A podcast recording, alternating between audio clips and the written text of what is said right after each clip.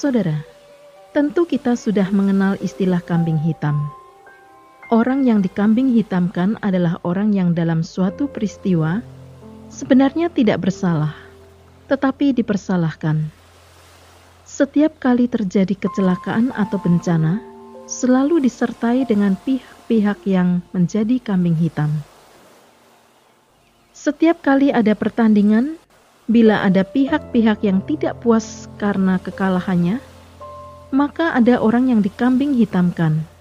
Mungkin mereka berkata bahwa jurinya tidak jujur, wasitnya berat sebelah, cuacanya tidak mendukung, atau alasan yang lain. Semua untuk menghindar dari tanggung jawab atau tidak mau menghadapi kenyataan. Tidak cukup sampai di situ Kambing hitam bukan cuma diomeli, dimaki-maki, tetapi tidak jarang dipukuli. Menimpakan kesalahan pada pihak yang tak bersalah adalah hal yang sering terjadi.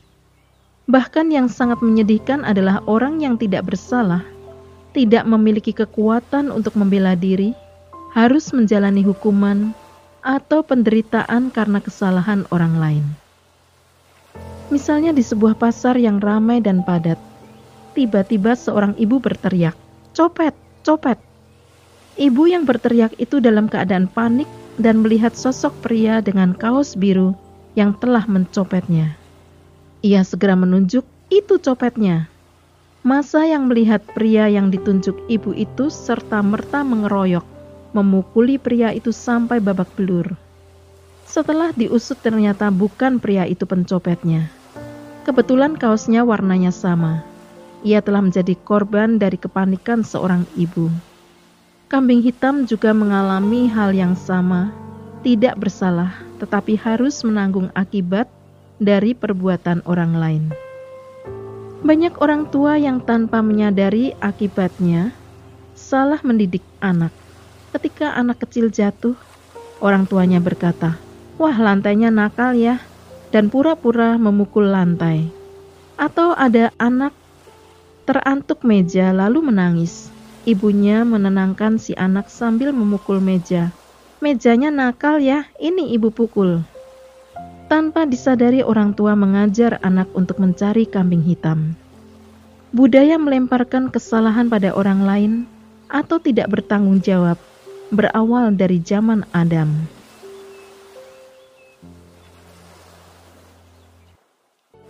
Saudara, Bila kita membaca kejadian pasal 3, kita melihat bagaimana kehidupan manusia berubah. Semula manusia bisa menikmati ciptaan Allah dan persekutuan dengan Allah. Tiba-tiba manusia menjadi takut bertemu Allah. Ketika Allah memberi kesempatan manusia untuk mengaku dosa dan bertanggung jawab atas kesalahannya, manusia tidak melakukannya, melainkan melempar kesalahan pada orang lain tidak bertanggung jawab adalah sifat yang dibawa oleh manusia berdosa. Adam tidak mengakui kesalahannya, melainkan menunjuk bahwa kalau bukan karena Hawa, ia tidak melanggar firman Tuhan. Dan Hawa juga melempar tanggung jawab atas perbuatannya. Ia berkata, "Gara-gara ular yang membujuknya." Bukankah kita pun sering berbuat hal yang sama? Mencari penyebab suatu kegagalan, kesalahan, atau malah petaka dari pihak lain, tanpa mau mengakui bahwa diri kita juga ikut andil dalam peristiwa buruk itu. Saudara, ketika kita masih melempar tanggung jawab, menyembunyikan kesalahan, kita tidak akan merasa sejahtera.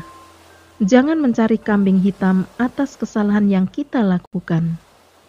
Mari kita mengingat bahwa bila kita mengaku dosa kita, maka Allah yang setia dan adil itu akan mengampuni segala dosa kita. Dan ketika itu terjadi, kita akan mengalami kelegaan dan damai sejahtera. Maukah Anda jujur mengakui kesalahan Anda di hadapan Tuhan?